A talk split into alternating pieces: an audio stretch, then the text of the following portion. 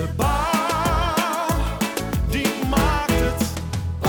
Welkom, leuk dat je weer luistert. Dit is aflevering 29 van de Bouwmarkt het podcast. Mijn naam is Iman de Vries en dit is wel een hele bijzondere aflevering, want minister Harbers is aangeschoven aan tafel naast Arno Visser. De infrasector heeft het sinds 2019 erg lastig. En eh, ondanks de enorme opgaven blijven projecten bij zowel de aanleg als de onderhoud achter. En de verwachting is dat in ieder geval dit jaar en volgend jaar de infrasector zelfs krimpt. Daarom is het fijn en belangrijk dat we te gast mogen zijn hier op het ministerie van Infrastructuur en Waterstaat bij minister Harbers. En samen met Bouwen Nederland voorzitter Arno Visser gaan we het hebben over renovatie en onderhoud, over stikstof en natuurlijk de toekomst van de infrasector. Dus heren, welkom. Nou, dank. Dank u wel. Fijn dat jullie zijn. We hebben een hoop te bespreken, wat ik net al zei. Eigenlijk drie hoofdonderwerpen. Dus laten we gewoon lekker snel van start gaan. En de eerste vraag is eigenlijk, half maart kwam het ministerie van eh, INW met het bericht dat er geld voor nieuwe infrastructuur en onderhoud voor bruggen en wegen, dat het daar naartoe gaat. En hiermee eh, gaat u en het ministerie eh, jaarlijks 5 miljard investeren in het onderhoud van de Nederlandse infrastructuur. En de vraag is,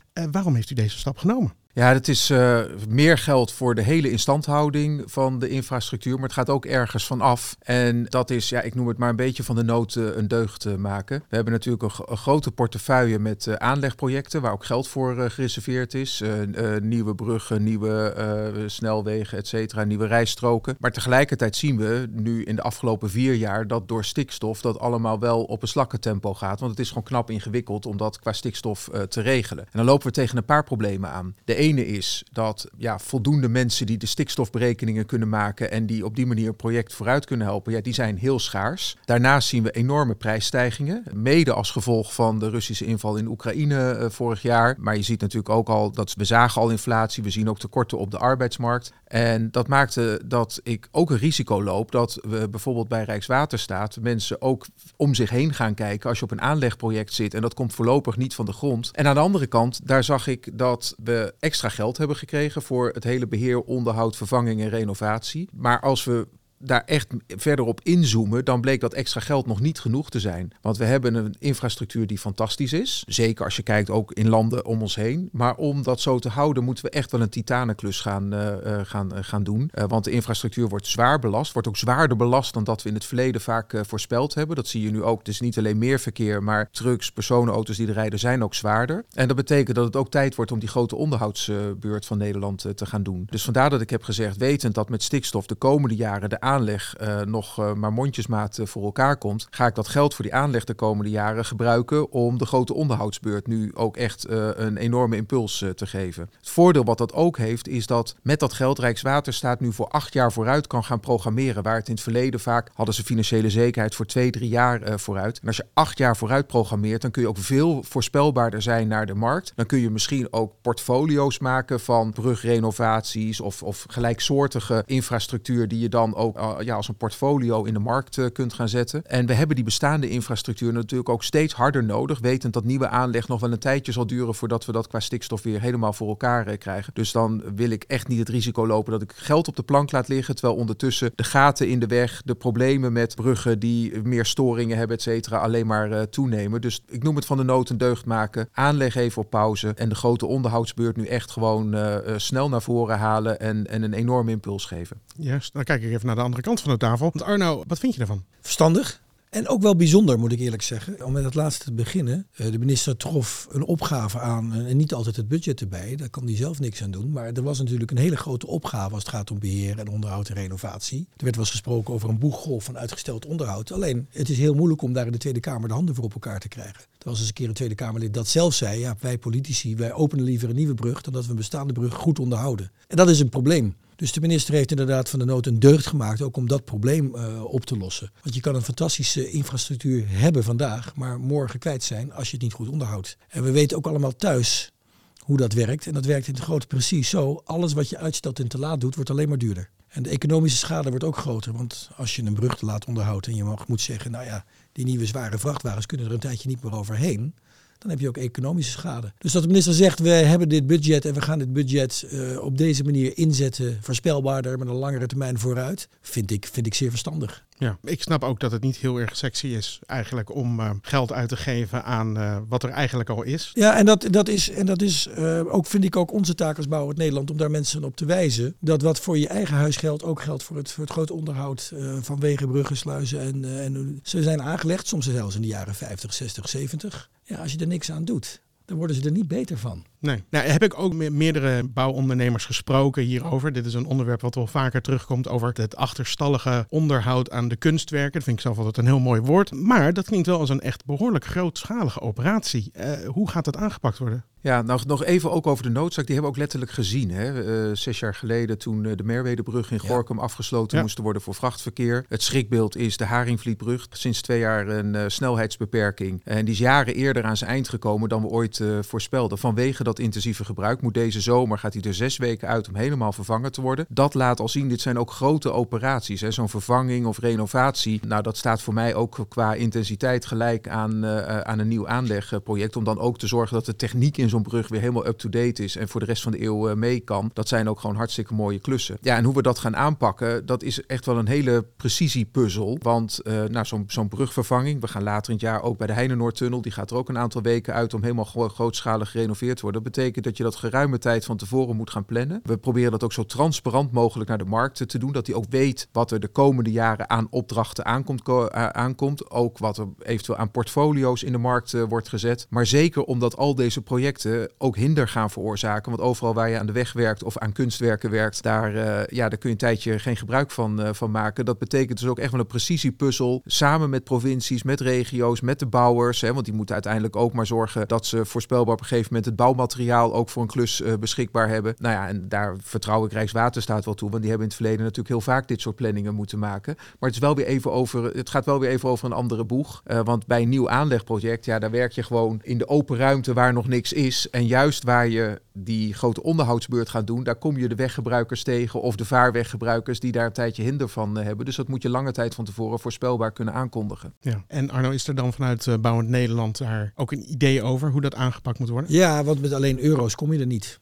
Dus je moet aan de opdrachtgeverskant gewoon goed nadenken over welke opdracht je wanneer doet. Welke mensen je, welke kennis je daarvoor in huis hebt. En hoe je samenwerkt met je opdrachtnemers. Omdat je samen in bouwteams of in andere slimme samenwerkingsvormen dat het een goed einde moet brengen. Je kunt ook ervaringen gebruiken uit de markt. Hoe is het daar gelopen? Wat kunnen we daarvan leren? Communicatie met omwonenden is zeer belangrijk. Hè? Dus eh, wees voorspelbaar. Doe dat voorafgaand aan een project. Hou de omgeving op de hoogte. Want mensen vinden niks zo erg als onzekerheid over hoe lang iets gaat duren en waarom het is. En dat moet je samen doen. Dat is niet alleen maar de opdrachtgever en ook niet alleen maar de opdrachtnemer. Dan moet je gewoon samen, als je eruit bent wat er moet gebeuren, dat tot een goed einde brengen. Ja. Een van de dingen die ook al net werd genoemd was nou ja, de vakkrachten. Als de infrasector nou ja, het moeilijk heeft en daar lopen mensen uit en die gaan ergens anders werk zoeken, dan zou dat natuurlijk vrij lastig zijn ook om die projecten wel te realiseren. En ik kan me voorstellen dat bij gemeentes heb ik het wel gehoord, maar ik kan me ook voorstellen bij het eh, ministerie ook nog wel eens behoefte is aan eh, bepaalde vakkrachten. En is er een idee over om hoe die mensen vast te houden of om zelfs aan te trekken?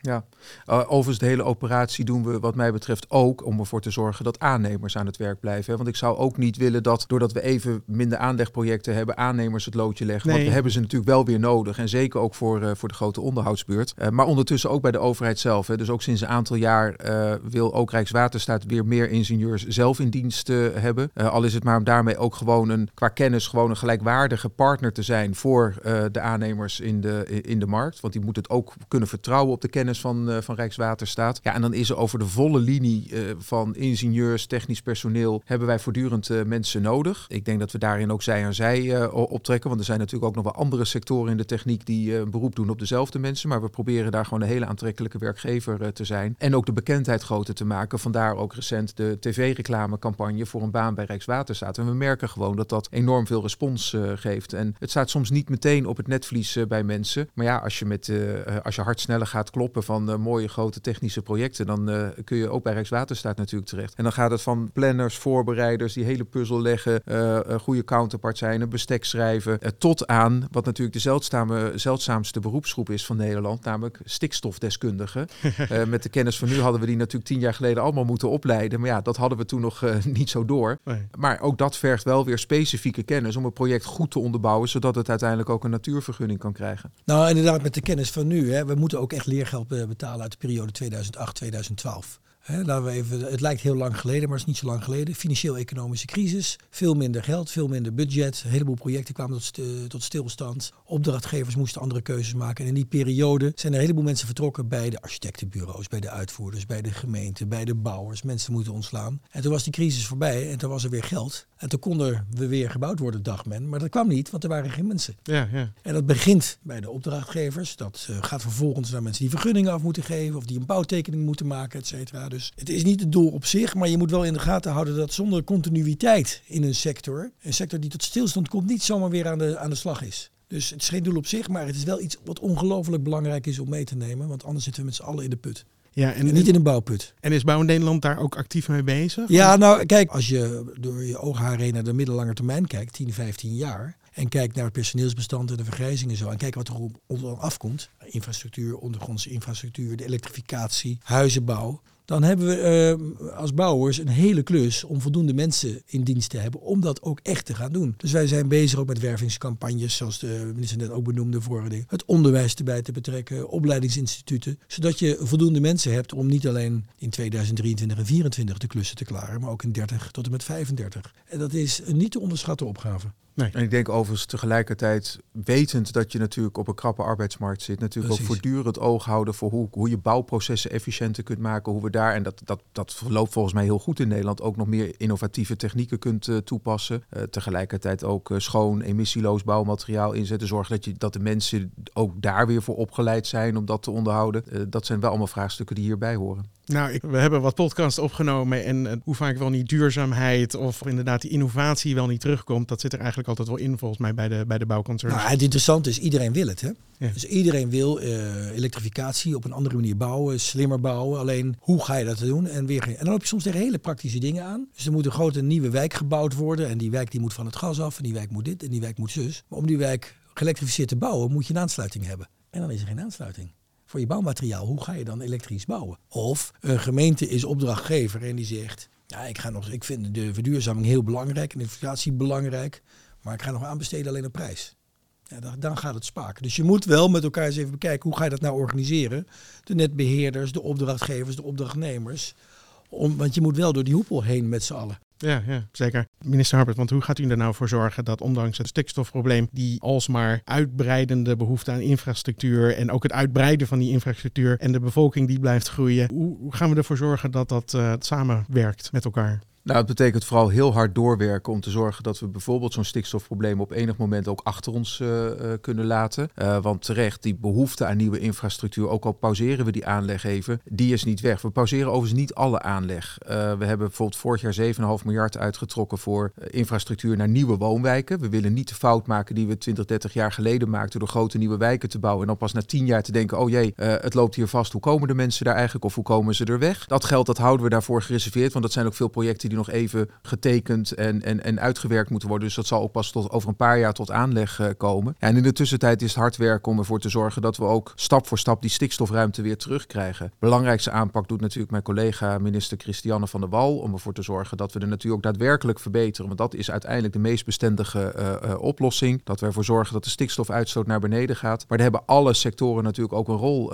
bij. Als ik kijk naar het verkeer, dan betekent natuurlijk de toenemende elektrificatie van de auto's. Dat betekent ook minder eh, uitstoot. Ook bij de luchtvaart zijn we aan het kijken naar, eh, naar minder uitstoot. Dat betekent ook in het bedrijfsleven. Maar ondertussen ook in de bouw zelf. Eh, schoon, emissieloos bouwen. Dat is natuurlijk wel een sleutel om ervoor te zorgen dat je zonder stikstofproblemen die bouw eh, kunt gaan eh, doen. En dat speelt natuurlijk ook bij vervangings- en renovatieprojecten. Naarmate het bouwmateriaal schoner is, kunnen we daar ook sneller mee vooruit. Nou, daar zijn ook subsidieregelingen voor beschikbaar, waar gelukkig in, over, in grote mate gebruik van, Zeker, van ja. wordt gemaakt. En dan betekent het inderdaad terecht, wat, wat de heer Visser aangeeft, ehm, dat we dan ook in de voorwaarden voor de aanbesteding daar ook rekening mee moeten houden. En dus het is een van maatregelen. Het, het, is, het is ook een veelkoppig probleem, dat stikstofprobleem. Eh, maar alleen door over de volle linie daaraan te werken en te zorgen dat er uiteindelijk minder stikstof uitgestoten wordt, kunnen we dat ook achter ons laten. En dat is wel heel erg nodig voor de samenleving om ook daadwerkelijk die nieuwe huizen, die nieuwe verbindingen uiteindelijk weer te kunnen gaan bouwen. Ja, hoe lang gaan we nog last hebben van het stikstofprobleem? Dat is nogal een vraag. Ja? We zitten er nu middenin. En wat mij betreft is het morgen over. Maar de, de, realite- de realist in mij zegt dat dat niet morgen over is eh, qua aanpak. Het is evident dat we een heleboel sectoren eronder te lijden hebben. En het is evident dat een heleboel sectoren bijdragen aan, eh, aan het probleem. En dat ze allemaal in een fair share moeten nemen in het oplossen daarvan. Ook de bouw. Maar de landbouw ook en andere sectoren ook, eh, luchtvaart, et cetera. Dus dan is het belangrijk dat er een aanpak komt die werkt, die effectief is. En dat we niet te lang hebben over het moet 2030 of 2035 zijn, maar dat we in 2023, 2024 dingen doen die ten goede komen aan alle sectoren. Ik begrijp heel goed dat de minister daar nu geen antwoord op gegeven, want die zit daarover in het kabinet eh, te, overleggen en te vergaderen en afspraken eh, te maken. En dat doe je eerst daar. Ik vind het wel belangrijk om, als er dan een oplossing komt, er ruimte komt, dat alle sectoren die er last van hebben ook allemaal mee profiteren als er ruimte is. Eh, want dan kun je weer woonwijken gaan bouwen, wegen gaan bouwen, bruggen gaan bouwen, eh, om, om gebruik te maken van die ruimte. En dan kun je ook de vernieuwing in gang zetten, want innovatie ontstaat niet uit stilstand. Dus we hebben het over verandering, emissieloos bouwen, nieuw materieel. Dat zijn allemaal dingen die niet van de een op de andere dag gebeuren. Maar ook in het werk zelf gebeuren. Er moet materieel aangeschaft worden. En dat doe je allemaal pas als er zicht is op waar we het net over hadden, continuïteit, nieuwe opdracht, langetermijn eh, perspectief komt. Nou ja, de boel, dat is er nu nog niet. En ik hoop wel dat het op korte termijn eh, in beeld komt. Want dan gaat het de boel weer draaien. En, en, en zijn er dan bepaalde oplossingen die vanuit Bouw Nederland, de minister zit nu eh, tegenover u, Nou daar ja. zou de, de, vanuit de bouw nou echt naar kijk, moeten wij, wat ik net zei, wij vinden dat we onze fair share moeten nemen waar wij, de, waar wij ook bijdragen aan uitstoten en stikstof. Nou is dat misschien wel makkelijk gezegd, omdat we heel weinig bijdragen aan stikstofuitstoot. Maar desalniettemin moet je het beter doen morgen dan dat je het gisteren deed. En dan, dan kom je het gesprek wat we net hadden. Dat betekent dat je moet investeren in ander materieel. Ja. Het is niet zo makkelijk nog hoor, want het is niet zo dat, erop, dat je een knopje drukt en dat je een bestelling plaatst en morgen is er een nieuwe hijskraan die elektrisch is. Die moet ook op de markt zijn. En als je hem bestelt, doet het soms anderhalf jaar voordat het er is. Maar hij is ook veel duurder dan je bestaand materieel. Dus daar bedoel ik net te zeggen, in opdrachten moeten er wel rekening mee gehouden worden dat je het kunt gaan doen. En dat je meeneemt als voorwaarde en niet alleen als voorwaarde de prijs hebt, want dan, dan kom je er niet. Uh, dus uh, er zijn allerlei manieren waarop wij er aan bij kunnen dragen. Ook het slimmer werken, ook anders werken, ook rekening houden met je, met je bouwstromen, met je logistiek. Dat is ook waar we volop mee bezig zijn. Maar nogmaals, dat doe je niet vanuit stilstand. Dus als er geen opdrachten zijn, ga je niet op je kantoor verzinnen hoe een niet bestaande opdracht logistiek beter uit de verf kan komen. Want die is er niet. Nou, daar hebben we het de vorige aflevering bijvoorbeeld over gehad. Uh, over een enorme hijskraan. En dan kan je wel zeggen van die moet elektrisch. Maar er is er geloof ik eentje in Nederland ergens. En ja, uh, ja die wil iedereen denk ik wel een keer gebruiken. En dat zijn, uh, zijn geen kleine bedragen die daarin omgaan om daarin in te investeren. En wat ik wel mooi vind is dat de bouwers eigenlijk altijd meteen zeggen... we zijn zeker bereid om dat geld te investeren. Maar we willen dan ook wel zien dat we hem kunnen blijven gebruiken. Is er nou een, een sleutel tot succes om gewoon dit hele probleem op te lossen? Nou, ik denk vier jaar na de eerste rechterlijke uitspraak over, uh, over stikstof. En in de tussentijd zijn natuurlijk nog heel veel andere vergunningen gesneuveld bij de rechter. Is het denk ik eerlijk om te zeggen, en dat weten we natuurlijk al, al een aantal jaar, er is geen, niet één sleutel die ons heel snel hier uitwerkt. Uh, want we zijn ook wel een beetje tot de grens gegaan in het belasten van de natuur in, uh, in Nederland. en dus betekent ook dat de uitweg ingewikkelder is. En dan hebben de bouwers natuurlijk ook nog een, een vervelende positie in de zin dat de bouwactiviteit zelf, die kun je nog wel verduurzamen. Maar meestal is het probleem datgene wat je aan het bouwen bent, dat wordt op een gegeven moment in gebruik genomen. Dat wordt een bedrijf, misschien met een schoorsteen, dat wordt een snelweg, dat wordt een woonwijk waar mensen gaan wonen. Dat, en in, juist in die gebruiksfase is er ook uh, stikstofuitstoot. Dus daar moeten we ook onze inspanning op uh, richten. Vandaar bijvoorbeeld de verdere verduurzaming van het, van het verkeer. Want dat is de echte sleutel. los van het feit dat je natuurlijk ook voldoende emissieloos bouwmateriaal ter beschikking moet, moet hebben. Dat gaat niet over één nacht. als dat namelijk was gebeurd, dan hadden we dat in de afgelopen vier jaar al gedaan. Maar we zetten wel grote stappen voorwaarts op dit moment. Uh, minister Van der Wal heeft bijvoorbeeld de toestemming binnen voor de, uh, voor de beëindigingsregeling van bedrijven in de landbouw. Zeker als ze geen opvolger hebben, kunnen ze binnenkort een goede prijs krijgen voor hun, uh, voor hun bedrijf. Dat helpt natuurlijk allemaal wel om uiteindelijk die stikstofbelasting naar beneden te krijgen. En daarmee weer ook echt ruimte te krijgen voor alle andere economische ontwikkeling. Ja. Ja, wat ik ook heel interessant vind in termen van oplossing en innovatie is slimmer na te denken over wat je tegelijkertijd in één project kan doen. Het is dus niet of natuur verbeteren of bouwen. Je kunt ook aan nieuwe woonwijken, nieuwe woningen, et cetera bouwen. En gelijkertijd rekening houden met de omgeving en de natuur, waterberging. En, en daar een veel inclusievere oplossing in, brengen. Dus dat zit in je ontwerp, dat zit in je uitvoering, dat zit in je totaal aanpak. En dan kom je om oplossingen gezamenlijk die, die verschillende doelen tegelijk kunnen dienen. Dus niet het of-of denken, we hebben een natuurprobleem, we moeten sec iets voor de natuur doen. En we hebben woningnood, dus we moeten sec iets voor woningen doen. Nee, ze kunnen ook bij elkaar komen. Ja.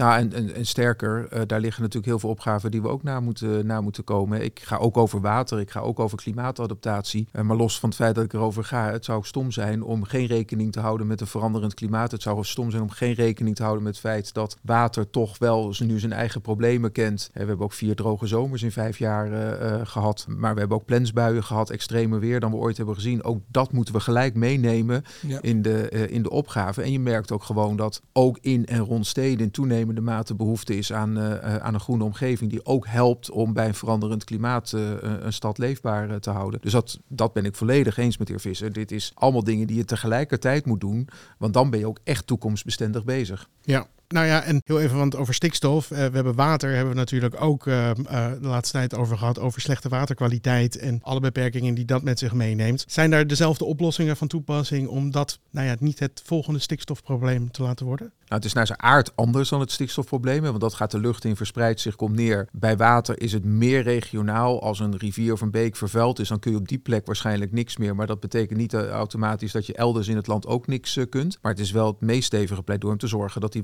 waterkwaliteit dan, eh, eh, dan verbetert. Bovendien is het dan vaak zo, ja, dan kun je niet een extra lozing op dat water doen. Maar een brug daaroverheen bouwen zou waarschijnlijk nog wel eh, kunnen. Dus het lijkt niet op stikstof.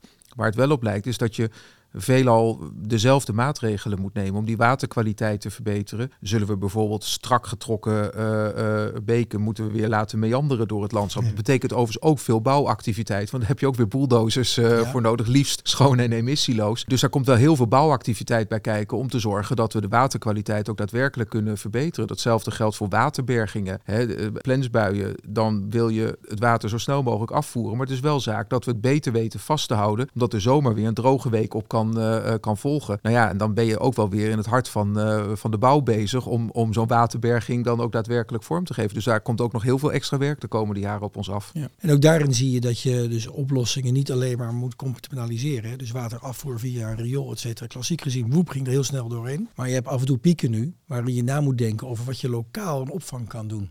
En er zijn dus ook hele interessante voorbeelden waarin een tijdelijke piek aan water toch in een omgeving komt en dat op een grasveldje twee keer per jaar een vijvertje ontstaat. Als de buurt weet Ja. waarvoor het is en je betrekt de buurt in het ontwerp en in de bouw, dan snapt iedereen dat het er een dubbelfunctie is. Dat was 10, 20 jaar geleden anders, maar de wereld is anders. Dus je moet ook aan je, oplossingen moet je af en toe even uit de, uit de traditionele gedachten en uit je traditionele aanpak, misschien ook uit je traditionele rolverdeling, wie doet wat. Waar is het waterschap voor, waar is de gemeente, waar is de provincie voor. Maar ook daarin gezamenlijk tot oplossingen kiezen. Ja, en precies, precies dit heeft het eh, kabinet afgelopen jaar ook afgesproken. Dat we voortaan water en bodem sturend maken voor de ruimtelijke eh, inrichting. En dat gaat precies om dit soort oplossingen. Want dan denken mensen al gelijk, oh, er mag helemaal niets meer. Nee, op sommige plekken is het onverstandig om te bouwen. Op andere plekken is het heel verstandig om te bouwen. Maar in het, in het overgrote gedeelte van Nederland, als je het water meeneemt in je ontwerp, dan kan er misschien best veel. Als je maar op voorhand nadenkt, wat doe je als er te veel water is? Bijvoorbeeld in diepe polders. Je zou op veel plekken nog steeds kunnen bouwen. Maar we hebben wel gezegd, de 10% diepste delen van die polders, hou die nou vrij. En dat zou dan precies, als je een woonwijk omheen hebt, zou dat een speeltuintje kunnen zijn waarvan de hele buurt weet, als er echt een plens bij komt, dan overstroomt dat. Maar dan ruimen we het daarna wel weer op. Maar ruil daarvoor kun je in de omgeving dan nog wel gewoon wonen. Klinkt heel erg goed. En dan zitten we natuurlijk ook een beetje in het, eh, nou ja, het laatste onderwerp, de toekomst van infra en over klimaatadaptief bouwen. Want als er nu nieuwe projecten op de markt komen, hoe nemen jullie dat hierin mee? Nou, het, het behoort nu tot de standaard eh, ontwerpuitgangspunten. Eh, ik denk dat we ons daar nog steeds voortdurend ook bij nieuwe ontwikkelingen op kunnen verbeteren. We zijn ook nog steeds scenario's aan, aan het maken van wat staat ons te wachten als het gaat om extreme weer. Maar op lange termijn bijvoorbeeld ook eh, wat kan de zeespiegel gaan doen? Gaat die stijgen en zo ja, met, eh, met hoeveel? Eh, maar het betekent bijvoorbeeld je moet goed nadenken over je afwatering. Hè? Als er zo van die plensbuien zijn, zoals twee jaar terug in, in Limburg, die twee dagen blijven hangen. Nou ja, de, onze oude snelwegen zouden dat water niet kunnen afvoeren. Je moet er dus naar de toekomst toe over nadenken. En dat is alleen nog maar klimaatadaptatie. Maar bij toekomstige in- inrichting van infrastructuur, maar ook als we gaan vervangen en renoveren, moet je ook nadenken over welk verkeer gaat daar straks over. Hè? Dat zijn auto's die nu al veel meer technische snufjes hebben, die met je meekijken, die met je meedenken. Maar op termijn, en dat kan misschien nog een paar decennia duren, maar dan gaan ze ook zelf rijden. Maar dan moet de inrichting van die weg wel dusdanig zijn dat zo'n zelfrijdende auto wel herkent wat hij aantreft op die weg en wat hij daar moet, eh, moet doen. Nou, daar moet je nu al over nadenken. En ook hoe je omgaat met, eh, met data en, en, en dergelijke dingen. Dus dat hoort allemaal bij toekomstbestendige infrastructuur. En dan heel even terug te grijpen naar het eerste onderwerp wat we hadden. Want dat vind ik wel interessant, want die zelfrijdende auto's, daar hebben we ook een keer We hebben, we We hebben hebben veel een onderwerpen. zelfvarende boot. Nee, ik een toekomstbeeld waarin die zelfsturende auto Ook, maar ook met over zo snel weer opeens een zelfvarende boot wordt. Nee. Nee, maar er zijn, ja, maar er zijn ook zijn eh, wel- start-ups bezig met hoe je, hoe je de scheepvaart eh, meer zelfdenkend, zelfvarend kunt, Ja. eh, Ja. kunt maken. Ja. Maar wordt er nou bij het onderhoud ook al nagedacht over, nou ja, over die zelfrijdende auto's bijvoorbeeld? Of over, over dat soort zaken? Ja. En het ingewikkelde daar is, we zijn natuurlijk pas aan het begin daarvan. eh, maar we proberen daar in Nederland echt wel een koplopersfunctie in eh, te vervullen. Net zoals we eerder ook al met allerlei navigatiediensten, data daarvoor, toch echt wel in de koplopersgroep van Europa zijn gekomen. Ook bij laden. Het is natuurlijk, we moeten nog een enorme eh, uitbreiding doen. Maar 28% van de laadpalen in Europa staat in Nederland. Dus de andere 72% in 26 andere landen. Nou, daar hebben we echt wel iets goeds gedaan. Het, kan alleen, het moet nog veel, veel beter. Ja. Dus ja, we denken over al dat soort dingen ook wel na. Over, maar ook bij het onderhoud zelf maken we ook al gebruik van de nieuwste snufjes. We hebben samenwerkingen met autofabrikant die eh, ook camera's in auto's eh, eh, heeft, die data verzamelen. En als de, automo- of als de eigenaar van die auto toestemming geeft, dan gaan die data geanonimiseerd naar Rijkswaterstaat. Wij zijn niet geïnteresseerd in wie er in die auto zit en, en waar die heen ging, maar we, we weten het wel graag als die auto zegt, hey, op deze weg daar dreigt een gat te ontstaan, want dan kun je met veel meer precisie kun je op tijd langskomen om je onderhoud te doen. Dus zo, zo raakt het ook nog direct aan de onderhoudsopgave. Ja, het interessante hier is dat je een hele goede brug kan slaan tussen, tussen de overheden, de onderzoekscentra en de, en, de, de bedrijven. Als je met data gaat analyseren wat er werkelijk gebruik wordt gemaakt, wat de werkelijke bewegingen zijn, vervoersbewegingen, eh, verkeersinvloeden, weersinvloeden, et cetera. Dan kan je gaan kijken van hey, hoe is het ooit ontworpen, hoe is het ooit bedacht? Wat is het effect nu in de, in de werkelijkheid? Moeten we daardoor eerder gaan, eh, gaan onderhouden of kan het uitgesteld worden? Of is het juist een heel divers pakket? En vanuit die wetenschap kun je ook weer opnieuw gaan designen, opnieuw gaan ontwerpen en het dan weer meenemen. Eh, Je moet niet denken dat wat we ooit bedacht hebben, dat de werkelijkheid zich naar gaat gedragen. Nee, je moet gewoon kijken wat is er nou de werkelijkheid aan de hand. Gebruik mo- moderne IT, meetapparatuur, ga data-analyse doen. Doe dat in samenwerking met, met universiteiten, gespecialiseerde bedrijven. Nederland is natuurlijk 400 jaar waterland, we hebben daar enorm veel ervaring mee. En ga vanuit daaruit opnieuw ontwerpen Ja. en, en daarmee omgaan. En dan zul je zien dat in delen van het land de ene oplossing nodig is. En andere delen- van het land. En dus dat je een ander soort waterborgingsprobleem hebt. Je hebt delen van het land waar te weinig is. Je hebt delen van het land waar te veel is. Dan moet je ook andere soorten oplossingen kiezen. Kijk, en dit gaat allemaal over de techniek en de inrichting van de toekomstige infrastructuur. Er zijn natuurlijk nog een paar meer dingen aan de hand. Eh, staatssecretaris Heijnen en ik hebben eh, recent eh, onze plannen voor mobiliteitsvisie 2050 eh, eh, ontvouwd. En daar passen we ook straks een paar nieuwe principes toe. We willen veel meer kijken naar bereikbaarheidsdoelen door het hele land. Om ook van dat verschil tussen stad en, en, en, en, en platteland af te komen. Het vergt allebei iets eigens om te zorgen dat mensen toch kunnen komen waar ze, waar ze willen komen. Voor de komende decennia wil je ook zorgen dat de verschillende modaliteiten veel beter op elkaar aansluiten. Kun je ook weer met behulp van data. Ehm, eh, kijk, mensen willen best een overstap maken als dat sneller is. Een stuk met de auto, een stuk met de trein of eh, een stuk met de fiets en dan met de trein. Maar je, het gaat juist om die overstap. Als je maar zekerheid hebt dat je je auto kwijt kunt, dat er een gereserveerde parkeerplaats is, waardoor je ook zeker weet dat je je trein haalt, dan wordt je reistijd weer voorspelbaarder. Eh, nou, dat zijn allemaal dingen die we met goede hubs de Ja. komende tijd ook willen gaan, gaan realiseren. Maar we vragen, gaan ook dingen vragen van andere sectoren. Want we weten natuurlijk eigenlijk al tientallen jaren dat we onmogelijk alle mobiliteitsvraag altijd kunnen opvangen. Eh, het vergt dus vooral ook heel veel van anderen om te kijken dat je het goed plant. Dat je ook zorgt dat je geen oneindige mobiliteitsvraag hebt. De planning van waar ziekenhuizen komen. En niet alleen een groot ziekenhuis, maar hoe is dan de zorg dichtbij geregeld? Dat voorkomt dat je voor ieder wisselwasje ver weg moet. Hetzelfde geldt voor de planning van eh, scholen, zeker in het landelijke eh, gebied. Maar ook waar wonen we in de toekomst? Is het werken dan wat dichter bij huis dan, dan we het in het verleden vaak hebben georganiseerd? Waar zijn dan de winkelcentra? Dat zijn allemaal dingen waar we ook van andere ministeries vragen om daar veel meer over na te denken. Om te voorkomen dat je iedere keer maar een oneindige mobiliteitsvraag eh, op de markt eh, eh, zet, die we met z'n allen onmogelijk kunnen opvangen. En als we dat dan slim plannen, dan gaan we vanuit dit ministerie wel aan de slag om te zorgen dat die reistijd zo voorspelbaar mogelijk is. Dat mensen in vrijheid kunnen kiezen voor hun eh, vervoermiddel. En op termijn zul je zien, naarmate bijvoorbeeld een auto zelfrijdender wordt, ja, dat gaat ook toegroeien naar eh, openbaar vervoer. Eh, Je zult dan misschien over 30 jaar zelf je auto nog hebben die zelfrijdend is. Maar voor een andere deel van de gebruikers komt gewoon de zelfrijdende auto als service op je boerenerf om oma mee te nemen naar het ziekenhuis. Waar ze in het verleden nooit een bus in de buurt had. Dus er gaat ook een wereld aan mogelijkheden open. Nou, ik had ook begrepen ooit, was, was een hoogleraar die zei, we gaan allemaal onder de grond rijden. Dus alle infrastructuur die verplaatst zich naar onder de grond en we gaan boven de grond gaan we, gaan we wonen. Ja, maar dat zien we ook steeds meer. Er zijn ook veel meer voorbeelden waarin er op, de, zeg maar op het maaiveld wordt gereden en dat er bovenheen gebouwd wordt. Eh, we zitten hier in Den Haag, het gebeurt hier eh, vla- vlakbij. Ik ben wethouder geweest in Almere, daar is een heel stadscentrum in die drie lagen gebouwd. Dus je ziet allerlei verschillende voorbeelden. Het is, en het is wel leuk hoor, wij verzamelen ook die voorbeelden, die brengen we bij elkaar. Hè, dus we hebben, we hebben lang, langjarig toekomstperspectief, maar je moet ook gewoon steeds weer leren van nieuwe vindingen en die ook kennen. Ja. En die met elkaar delen. En dan wordt, het, een- dan, wordt het, dan wordt het een hele interessante, leuke uitdaging. En zijn er een paar mooie voorbeelden van bijvoorbeeld klimaatadaptief bouwen? Als je ziet hoe we bij infrastructuur omgaan met, met waterberging, hè, dat begon al in binnensteden. eh, dat is dan niet eh, wat onder het ministerie valt, maar midden in Rotterdam is een parkeergarage die ook als waterberging kan, eh, kan functioneren. Eh, het, gaat ook om, het gaat om dat soort dingen. Het is soms niet eens enorme kilometers lange eh, eh, kunstwerken. Eh, het gaat er vooral om dat je bij alles wat je aanlegt of alles wat je renoveert op voorhand zorgt. Hoe kan het water weg? Is het veilig genoeg? Stroomt het over of niet? Het gaat om dat soort basale vragen waar we uiteindelijk al eeuwenlang kampioen zijn in Nederland. Vanaf de allereerste terpen, een paar duizend jaar geleden, eh, tot aan nu, hebben we al die kennis echt wel opgedaan. En, en hoe ver kijken jullie dan vooruit? Wat is Bij een- water kijken we veel verder vooruit. Kijk, we zijn in Nederland onderhand, we zijn iedere keer bezig met 2030 voor de korte termijn klimaatdoelen. 2050, dan moet het allemaal op orde zijn volgens het eh, akkoord van Parijs. En dan zie je bij heel veel andere onderwerpen dat we iedere keer met dat soort jaartallen 20, 30 jaar vooruit eh, kijken. Waar het om als het om water gaat, kijken we veel verder vooruit. Op dit moment hebben we het kennisprogramma Zeespiegelstijging lopen. Dat moet binnen twee jaar tot de scenario's leiden tot het eind van de eeuw en misschien wel verder. Eh, want dat is wel de, de horizon die je moet hebben als het gaat om hele grote delta-werkenachtige constructies. Hè. Als je ziet de deltawerk in Zeeland, vanaf eerste ideeënvorming in de jaren 30 tot de laatste opleveringen eh, in de eerste jaren van deze eeuw, daar ging 70, 80 jaar overheen. Vanaf de eerste ideeën voor eh, de, de, de En, en, en alles daar eind 19e eeuw tot aan de oplevering van Flevoland eh, eh, de, de, in de jaren 80. Daar gaat 80 jaar of meer overheen. Dus het is niet gek dat wij nu al nadenken hoe we ver naar 2050 met onze kustlijn moeten omgaan, met onze waterkeringen, eh, met, met, met de bescherming tegen de zee. Dat geeft ons namelijk in ieder geval voldoende tijd om de juiste plannen te maken, om adaptief te blijven.